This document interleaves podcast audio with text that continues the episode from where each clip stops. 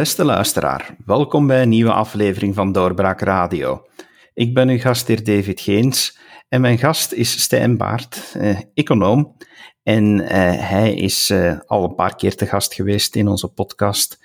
En eh, we praten met hem over de eh, plannen van onze nieuwe regering, de Vivaldi-regering. En eh, ja, zijn mening over een aantal besluiten daaromtrent. goeiedag, meneer Baart, hoe gaat het met u? Uh, het gaat vrij goed. Ik voelde mij de afgelopen weken een beetje onder druk doordat heel veel zaken samenkwamen. Maar ik heb het gevoel dat ik eraan doorkomen ben. Dus uh, dat mijn energie terug, terug aan het stijgen is. Dus dat is wel fijn. Dat is inderdaad heel fijn om te horen. Dank u wel dat u tijd hebt vrijgemaakt dan in die drukke periode om uh, bij ons in de podcast te zijn. Met plezier.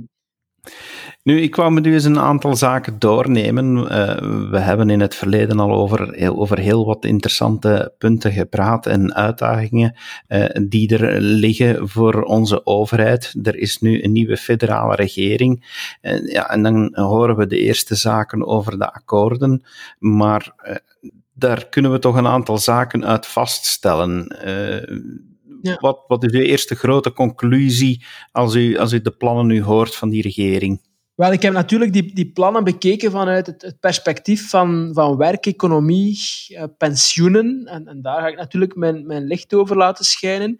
En daar ben ik eerder negatief. Hè, in dat opzicht dat voor mij de, de rode draad is dat die plannen of dat dat regeerakkoord mij niet zo moedig lijkt. Eh, in dat opzicht dat er wel duidelijkheid is over een aantal uitgaven, of gedeeltelijke duidelijkheid, want die pensioenen, de optrekking van dat minimumpensioen, dat is half duidelijk. Het gaat om veel geld. En maar of dat, dat zal leiden tot 1500 euro minimumpensioen is, is niet helemaal duidelijk. Maar in elk geval, er worden uitgaven in het vooruitzicht gesteld. Maar wat veel minder helder is, is hoe dat die bekostigd zullen worden. Net zoals dat er ook doelstellingen in dat regeerakkoord staan maar veel minder duidelijk is welke hervormingen die dan die doelstellingen moeten gaan realiseren. Dus voor mij uh, is dat niet zo moedig dat je enerzijds uitgaven en doelstellingen verduidelijkt, maar anderzijds ja, hoe dat je dat bekostigt uh, en welke hervormingen dat je daar tegenover zet, uh, minder verduidelijkt. Dus dat is een beetje de, de, rode draad. En ik kan dat natuurlijk concretiseren naar, naar bijvoorbeeld die werkzaamheidsgraad. Dus men zegt daar 80% werkzaamheidsgraad als hetgeen dat wij willen gaan realiseren. Dat is een, dat is een prachtige ambitie. Want dat zou natuurlijk betekenen dat wij ook in de toekomst goede zorg kunnen verlenen en goede pensioenen kunnen uitbetalen. Maar hoe dat die mooie, ambitieuze ambitie ook zal gerealiseerd worden, ja, dat is echt wel onduidelijk. Ja, want uiteindelijk een tewerkstellingsgraad van 80%, dat is een van de onderwerpen waarover wij het al gehad hebben in het verleden, eh, dat is toch ook gedeeltelijk een regionale materie. En we stellen dan net vast dat, eh, dat de federale overheid hier natuurlijk ook een serieuze invloed op heeft. Maar inderdaad, ik merk ook niks echt in het programma. Um, en het is echt wel nodig om daar, om daar naartoe te groeien, om alles betaalbaar te houden, vindt u ook niet? Ja, ik denk dat er weinig andere mogelijkheden zijn. Als je kijkt, uh, sociale zekerheid, wat toch het, grote deel van het budget is op het federale niveau, en je kijkt naar de inkomsten en de uitgaven, dan kun je aan een aantal knopjes draaien. Maar de meeste van die knopjes hebben als het gevolg dat je misschien op korte termijn meer inkomsten hebt voor je sociale zekerheid, maar op lange termijn er slechter aan toe bent. Bijvoorbeeld, stel dat je de belastingen zwaar zou gaan verhogen, ja, dan ga je misschien meer middelen ontvangen op korte termijn van, van mensen die nu al veel belastingen betalen, maar op lange termijn gaan die misschien het land verlaten of, of minder ondernemen of, of minder naar de arbeidsmarkt toe gaan en zo verder. Wat dat je wel kunt doen en wat dat je uw uh, sociale zekerheid zowel aan de inkomstenzijde als aan de uitgavenzijde bespoedigt, is effectief uw werkzaamheidsgraad uh, naar boven trekken. En nogmaals, hè, dat gaat dus niet om iets waar je als arbeidseconoom gewoon wild van wordt, van, van, een, van dat cijfertje, maar dat gaat erom dat je op een duurzame manier je sociale zekerheid betaalbaar krijgt. Pensioenen, zorg, ik heb er daarnet naar verwezen. En effectief, die uh, werkzaamheidsgraad als ambitie, dat is niet uh, voor het eerst dat we dat zien. Dat zit ook prominent in het Vlaams regeerakkoord. Maar een analogie die ik mogelijk wel interessanter vind, is die met het Waalse regeerakkoord. Daar zag je ook prominent een stijging met 5 procentpunt van de werkzaamheidsgraad dat men als doelstelling had. Maar als men dan vroeg uh, bij ter zaak, uh, de avond van dat dat regeerakkoord werd bekendgemaakt in Wallonië, ja, hoe ga je dat doen? Dan, dan zei Nolet, een van de hoofdonderhandelaars van, van Ecolo, uh, ja, groene jobs, investeringen enzovoort. En in feite, als je dan dat akkoord las, dat Waals regeerakkoord, ja, dan zat er ook niet veel meer in dan dat. Dat heb je voor een stuk nu ook in het, voor mij, wat mij betreft, in het federale regeerakkoord, een ambitieuze ambitie. En als je dan gaat gaan lezen van hoe wordt dat gerealiseerd, die 80% werkzaamheidsgraad, dan zie je weinig concrete maatregelen, maar in feite een verwijzing naar twee zaken. Ten eerste uh, werkgelegenheidsconferenties die jaarlijks zullen georganiseerd worden. En langs de andere kant de sociale partners die, uh, die hervormingen moeten uitdenken. Nu, daar ben ik niet al te optimistisch uh, over dat dat, zal, dat dat zal slagen, vanzelfsprekend.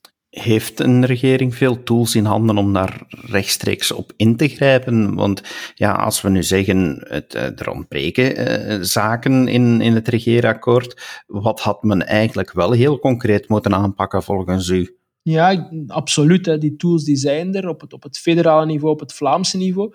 Wat dat federale niveau betreft, ja, zit uw sociale zekerheid daar en uw sociale zekerheid is een manier om mensen te ondersteunen, maar je kunt het ook op zo'n manier inrichten dat uh, het ook activerend is uh, voor een stuk. Ik probeer dat te verhelderen, maar misschien moet ik eerst zeggen wat een beetje het probleem is van onze arbeidsmarkt. Als we kijken naar die werkzaamheidsgraad, waarom is die lager dan in andere landen, dan denken mensen heel gauw, ja, dat heeft te maken met het feit dat we veel werkzoekenden hebben. Maar dat was alvast voor de coronacrisis niet het geval. Qua werkzoekenden zitten wij op het niveau van het Europees gemiddelde, zelfs iets beter. Ook Vlaanderen doet het wat dat betreft heel goed. Het probleem is, naast werkenden en werkzoekenden heb je een derde groep, namelijk inactieven. Dat zijn mensen die geen baan hebben, maar er ook geen zoeken. En daar maken wij echt op het Belgische niveau het verschil. En zelfs Vlaanderen hè, doet het wat dat betreft niet beter dan het Europese gemiddelde. Dat gaat om mensen die uh, huisman zijn of huisvrouw zijn, die mogelijk ooit een job hebben gezocht, maar ontmoedigd zijn geraakt als werkloos en dan bijvoorbeeld een leefloon hebben. Dat gaat om mensen die vervroegd de arbeidsmarkt verlaten via vervroegde pensionering, brugpensioen, eh, langdurig zieken. Dus dat is een heel grote groep en vanzelfsprekend moeten we niet al die mensen activeren.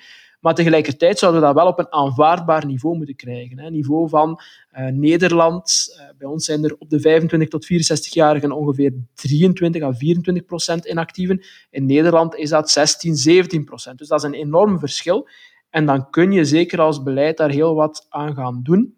Op het federale niveau uh, zit je met uh, je lasten op arbeid. En als je nu zegt van we willen inactieve richting de arbeidsmarkt verleiden, dan moet het verschil tussen werken en niet werken voldoende interessant zijn financieel. Wel, ja, als je lasten verschuift van arbeid naar bijvoorbeeld consumptie of eventueel vermogen, dan zijn daar wel mogelijkheden om, om daar iets aan te doen. Anderzijds, uh, naast het feit dat je, dat je werken aantrekkelijker moet maken, moet je ook de poorten van de inactiviteit uh, beter bewaken. En die poorten die zitten vooral op het federale niveau. Dat gaat dan uh, de toegang tot de ziekteverzekering, de toegang tot eh, pensioneringen. We, we hebben de, de, toegangspoorten tot de werkloosheid beter bewaakt de afgelopen decennia op Vlaams niveau. Maar op het federale niveau eh, zijn de poorten richting enerzijds uh, ziekteverzekering, anderzijds vervroegde uittreden veel meer blijven openstaan. En, en daar had men zeker iets uh, aan kunnen doen. Bijvoorbeeld alleen al maar uh, die verhoging van het minimumpensioen koppelen aan een bredere pensioenhervorming. Bijvoorbeeld het uitfaseren van het brugpensioen. Ja, dat had natuurlijk heel wat geholpen om die werkzaamheidsgraad op te trekken.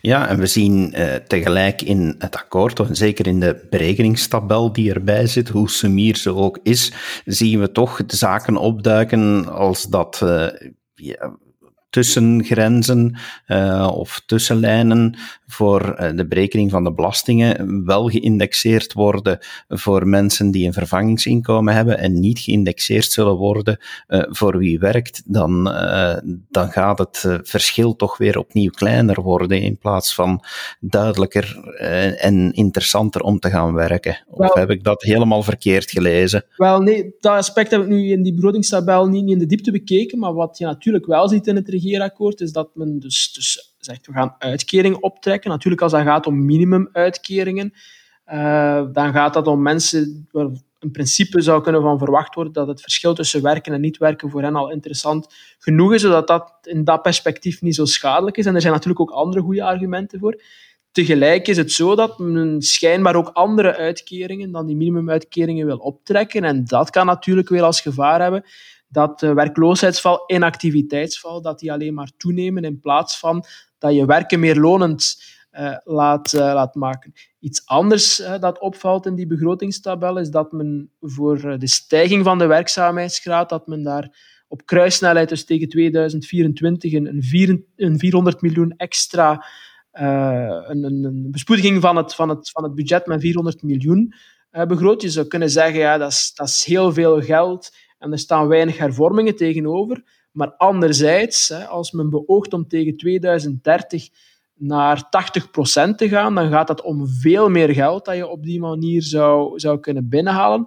Wat tegelijk ook aangeeft dat de ambitie voor de komende jaren ja, eerder beperkt is. En dan zet men een mooie doelstelling tegen 2030, die vooral door een volgende regering zal moeten gerealiseerd worden, wat opnieuw mij niet zo moedig lijkt. Zijn er dan, uh, of, of, kunnen we dat doortrekken in hetgeen wat u nog uh, ziet in het regeerakkoord? Uh, er zijn nu de werkstellingsideeën om naar 80% te gaan, daar ontbreekt het. Maar zijn er bepaalde stempels die u ziet in dat regeerakkoord die u nog zorgen baren? Ja, het is te zeggen, qua, qua stempels, als ik, als ik dit bekeken heb naar, naar werkeconomie en pensioenen, dan heb ik voor een stuk het, gevoel dat, dat de slagen die daar zijn binnengehaald. Ik heb ook voor de tijd op een bepaald moment campagnewatcher geweest. En dus de programma's bestudeerd. En dan zie je daar natuurlijk meer, uh, meer socialistische ideeën uh, doorwegen, voorlopig, uh, dan de, de, de programmapunten van de andere partijen. Dat dat is tenminste mijn perceptie. Bijvoorbeeld, nogmaals, als je daar kijkt naar de pensioenen, wat is binnengehaald, wat is in zekere zin duidelijk, hè, dat is een verhoging van de minimumpensioenen, al dan niet naar 1500 euro, was veel minder duidelijk. Hè, dat is de, de andere pensioenmaatregelen die men daaraan koppelt, die dat ook betaalbaar moeten maken, eventueel uh, het hervormen van de gelijkgestelde periodes. Dat is het idee dat we nu uh, gemiddeld genomen als werknemer een derde van onze pensioenrechten opbouwen terwijl we niet werken, maar bijvoorbeeld werkloos zijn. Je zou dat kunnen hervormd hebben, dat zou in lijn hebben gelegen met de, programma's van andere partijen en dat is veel minder uh, helder naar voren gekomen. Het is mogelijk dat die andere partijen in domeinen buiten mijn, mijn expertise wel een slagen hebben binnengehaald. Als, als burger uh, en dus ik spreek dan niet vanuit mijn expertise, maar als burger vind ik, vind ik die investeringen die, die gaan gebeuren in, in justitie en politie interessant. En als ik Vincent, of Vincent van Quickenborne daarover bezig hoor op de radio, dan, dan lijkt mij wel dat er een zekere ambitie is. En dan sluit dat misschien ook meer aan bij, bij wat andere partijen daaromtrent gezegd hebben in de verkiezingen. Maar op werk, economie en pensioenen zie ik daar eerder de, de stempel van de, van de socialistische partij. Ik weet dat onze voorgaande gesprekken dat lang genoeg werken, dat dat ook iets is waar u, eh, waar u naar kijkt als zijnde een, eh, een deel van de oplossing om uh, onze welvaart te kunnen behouden. Ik heb gelezen in reacties van bepaalde partijen, onder andere van de Socialistische Partij en eh, van, van PS-kant, dat men zegt van oké, ja, onze verkiezingsbelofte om uh, van 67 terug naar 65 te gaan, die hebben we moeten inslikken.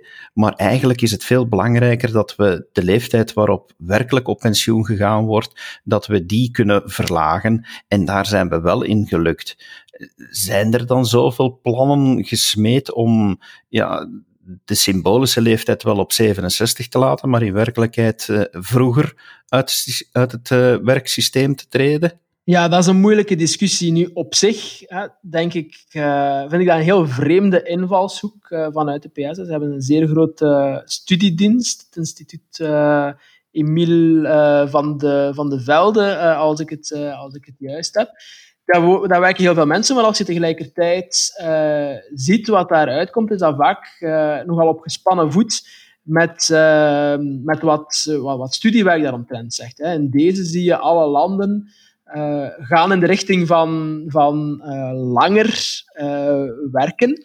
Uh, en ook als noodzaak om de zaken betaalbaar te houden, gegeven de vergrijzing. En dat de PS dan zegt, ja, wij voeren eigenlijk een strijd om mensen minder lang aan de slag uh, te helpen. Dan vraag ik mij af, ja, op basis van welke berekeningen dat zij dat precies nastreven. Nu, los daarvan wordt dat gerealiseerd in, in dit regeerakkoord. ik denk, ik zie het, voor een, ik zie het niet geëxpliciteerd. Hè, dus er staat nergens van we gaan de, wet, de, de feitelijke pensioenleeftijd terugbrengen.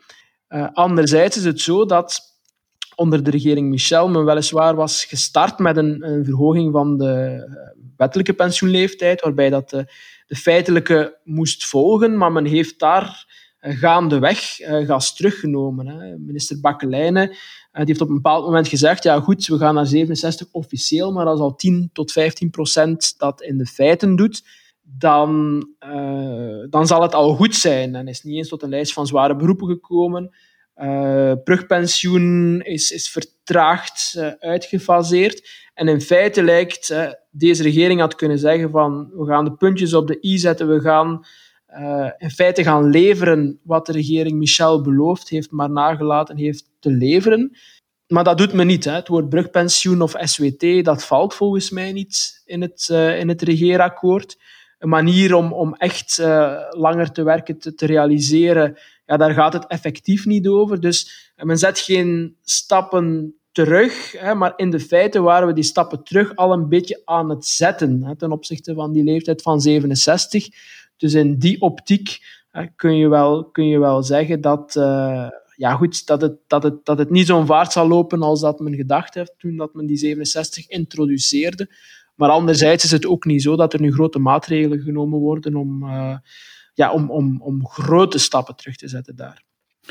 Als we het allemaal even afwegen tegenover de Vlaamse regering, die nu net ook opnieuw aan haar werkjaar begonnen is en een septemberverklaring heeft afgelegd, Vindt u dan dat die twee met elkaar botsen? Van, uh, zit, zit daar ja, ruis op de lijn en zegt u van ja, de Vlaamse regering zal niet kunnen uitvoeren wat ze wil, want de federale zegt het zo en omgekeerd? Wel, officieel gaat men op het federale niveau voor, voor samenwerking. Hè? Dus de, de contacten met, uh, met de deelstaten uh, wordt verschillende keren vernoemd in het, in het federale regeerakkoord. En men gaat duidelijk voor samenwerking. Dus, dus dat is uh, het, het, motto. Nu, in de feiten ben ik daar wel ongerust over. Ja, die Vlaamse regering, uh, in tegenstelling tot het Waalse en het federale regeerakkoord, had wel heel duidelijke hervormingen gepland, en heeft hij nog altijd gepland, om de werkzaamheidsgraad te verhogen. Ook daar het Vlaamse regeerakkoord vorig jaar een centrale ambitie om de werkzaamheidsgraad met 5 procentpunten te laten stijgen.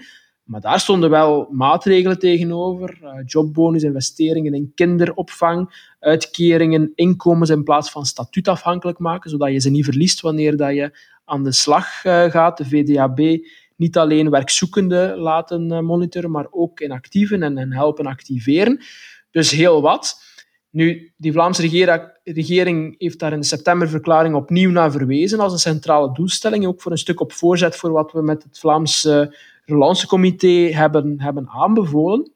Maar natuurlijk, uh, het is niet evident om op dat Vlaamse niveau bijvoorbeeld inactieven te gaan activeren, terwijl men op federaal niveau de poorten richting die inactiviteit, wat brugpensioen, vervroegd pensioen betreft, uh, wagenwijd laat, laat openstaan. Of het is niet uh, evident om met die jobbonus echt een, een groot effect te sorteren en dus mensen meer netto te geven. En op die manier het verschil tussen werken en niet werken te vergroten. Als men dan op het federale niveau allerlei uitkeringen zou gaan uh, verhogen en tegelijkertijd ja, de, de, de netto-lonen daar niet laten stijgen door belastinghervormingen, zodanig dat dat federale niveau het verschil terug kleiner zou kunnen maken en dat het netto-effect uh, van die investeringen van de Vlaamse regering ja, bijna een nul-effect uh, wordt. Ik zeg niet dat het zo'n vaart zal lopen, maar het gevaar zit er, zit er duidelijk in. En het Vlaamse niveau heeft voor zijn doelstelling natuurlijk dat federale niveau voor een stuk nodig. Omgekeerd vanzelfsprekend ook, maar op het Vlaamse niveau zijn er die duidelijke hervormingen, mijn zinziens, in de goede richting. De richting van werken meer laten lonen, uh, poorten van inactiviteit beter bewaken. Ja, het federale niveau zou dat idealiter versterkt hebben, maar lijkt dat op dit moment niet te doen. Uh, en op dat moment zou je natuurlijk kunnen zeggen dat de Vlaamse regering voor een stuk een verliezer zou kunnen zijn van uh, het regeerakkoord op het federale niveau. De NVA heeft uw kritiek eh, wel gehoord, want daar heb ik gelezen dat NVA-parlementslid Axel Ronse voorstelt om een hoorzitting te, te houden in, samen met de Vlaams minister van Economie Hilde Krevits en u. Ehm, zou je daarop ingaan? Van, zou je dan zeggen van, oh ja, dit is een, een kans om de kritiek duidelijk te geven en hopelijk te laten luisteren naar wat er anders en beter moet? Wel, ik heb de afgelopen twee jaar, eh, ik denk een tiental, van een tiental hoorzittingen deelgenomen. Dus het is niet dat ik dat, dat a priori um, niet op inga, hè, maar, maar in deze. Dus ik zou dat in deze, ik sta open voor die discussie, maar het gevaar is natuurlijk dat het voor een stuk een, een dovenmansgesprek wordt. Net omdat dat federaal regeerakkoord zet doelstellingen maar koppelt er geen hervormingen aan. Wat als gevolg kan hebben dat ik misschien wel kan zeggen van ja, kijk, uw doelstellingen zijn niet realistisch en de Vlaamse regering gaat daar een prijs voor betalen, want die, die, die werkzaamheidsgraad verhogen gaat heel moeilijk zijn. Of toch die grote ambitie realiseren gaat heel moeilijk zijn. Maar anderen kunnen zeggen, ja, je moet ons vertrouwen, die doelstellingen staan daarin. Er zijn misschien geen betrouwbare hervormingen aan gekoppeld of geen zichtbare hervormingen, maar we gaan het wel doen op het federale niveau. En dan is het gesprek uh, natuurlijk meteen uh, op zijn einde gekomen. Hè. Dan, uh, ja, dan, is een kwestie van, dan is het een kwestie van interpretatie, bijna voorspellen van zal het lukken om, om die doelstellingen te realiseren, dan wel zal dat totaal niet lukken. Misschien moet ik toch verduidelijken waarom ik zelf daar niet zo in geloof, dat men die doelstellingen op federaal niveau zal gaan realiseren. Men verwijst daar enerzijds naar werkgelegenheidsconferenties jaarlijks, dat het doet toch wel een beetje... Dat, dat kan werken, hè, maar, maar dan moet natuurlijk de politiek wel uh, finaal wat daaruit komt gaan, gaan valoriseren. Dan vraag ik mij af, zal er voldoende convergentie zijn om dat ook te doen? Als men de afgelopen maanden heel veel met elkaar heeft gediscussieerd en men is niet verder gekomen dan een aantal kleine hervormingen, zal men dan plots op voorzet van anderen, ja, met voldoende partijen achter aangereikte hervormingen staan. Ik, ik, ben daar niet zo optimistisch. En ik ben nog minder optimistisch wanneer dat men zegt van we gaan die hervormingen op het federale niveau laten uitwerken door de sociale partners. Ik heb niks tegen de sociale partners, in tegendeel. Ik, ik, heb respect voor uh, het werk dat zij doen en, en ik voel mij ook, ook vrij dicht bij, bij sommige standpunten die zij innemen. Maar je kunt niet anders dan vaststellen dat er vaak een enorme afstand is tussen werkgevers en uh, vakbonden. We hebben dat gezien onder de regering Michel, dat men ook aan de sociale partners heeft gevraagd om te discussiëren over een lijst van zware beroepen, om te discussiëren ook over een gedeeltelijke ontkoppeling van de lonen met de anciëniteit. Wel, die regering Michel heeft het witblad dat zij heeft afgeleverd bij de sociale partners als hetzelfde witblad teruggekregen. En dan nu zouden die sociale partners nog veel grotere ambities moeten gaan invullen. Ja, dan denk ik, uh, bon chance om, uh, om dat te gaan doen duidt dit nogmaals, of voor de zoveelste keer, op het feit dat alles wat dat arbeidseconomie betreft verder geregionaliseerd moet worden, zodanig dat het beleid in één hand terechtkomt? Ja, wat mij betreft uh, is er maar één ding dat telt en dat is efficiëntie. De zaken moeten op het niveau liggen waar, waar ze het meest efficiënt kunnen aangepakt uh, worden. Uh, natuurlijk, als je, als je kijkt naar enerzijds het feit dat de verschillende gewesten zich anders ontwikkeld hebben. Hè, dat er geen inhaalbeweging is van bijvoorbeeld het Vlaamse gewest ten opzichte van het Vlaamse gewest. Hoewel dat je normaal de wet van de afnemende voorsprong zou verwachten. Hè, dat die kloof verdicht, net zoals in een, uh, in een wielerwedstrijd. Hè, dat, dat de achterliggende, het achterliggende peloton in principe gaat, gaat inhalen, maar het steeds moeilijker wordt om een voorsprong te bewaren, laat staan uh, verder te ontwikkelen ja, zie je die wet van de afnemende voorsprong daar niet. Hè. Vlaanderen blijft uh, daar veel beter doen qua, qua werkzaamheidsgraad. Wallonië en Brussel hebben naast de grote inactiviteit, allee, heel grote inactiviteit, uh, ook nog wel wat hogere werkloosheid. Dus dat vraagt toch wel meer combinatie van een vraaggericht arbeidsmarktbeleid en een aanbodsgericht arbeidsmarktbeleid, waar, waar Vlaanderen meer aan toe is. Dus dat is, dat is één vaststelling waardoor dat je zou kunnen zeggen, ja, misschien moet je toch wel nog meer op het regionale niveau gaan werken, naast het, naast het argument van de efficiëntie. En een laatste argument is natuurlijk dat je ook weinig convergentie ziet in de, de ideeën omtrent hervormingen. Ja, als, de, als de grootste gemene deler is van partijprogramma's en van politieke partijen die federaal uh, de dienst uitmaken, dat, als dat een zeer beperkte uh, grootste gemene deler is, en als het gevolg daarvan is dat men bijna niet hervormt, ja, dan denk ik, geef het dan maar door aan, uh, aan, het, aan het regionale niveau. Want dat is voor een stuk hetgeen dat je nu misschien ook ziet in het federale regeerakkoord. Ja, weinig hervormingen of grote arbeidsmarkthervormingen, terwijl dat op het Vlaamse niveau wel kon.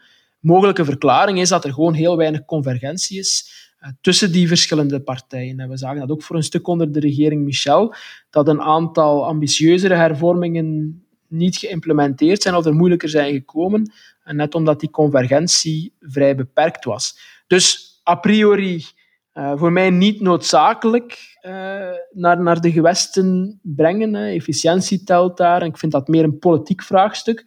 Maar in de feiten ja, krijg je natuurlijk wel wat argumenten om daar ook vanuit een ja, arbeidsmarktlogica of hervormingslogica eerder voorstander voor te zijn. Um, misschien nog een, een zaak gekoppeld aan, dat, aan die efficiëntie. Als je zag dat tijdens de coronacrisis dat in eerste instantie de VDAB de gegevens van de tijdelijke werklozen niet doorkreeg van de RVA, omdat dat geen automatisme was en die dus niet kon uitnodigen om zich te laten opleiden, die tijdelijke werklozen. Ja, dat is natuurlijk een gebrek aan, aan, aan, aan uh, efficiëntie en iets wat uh, ja, vlotter zou gaan of, of evidenter zou zijn wanneer de zaken op hetzelfde niveau zouden terechtkomen, het zij het, gewestelijke niveau, het zij het federale niveau.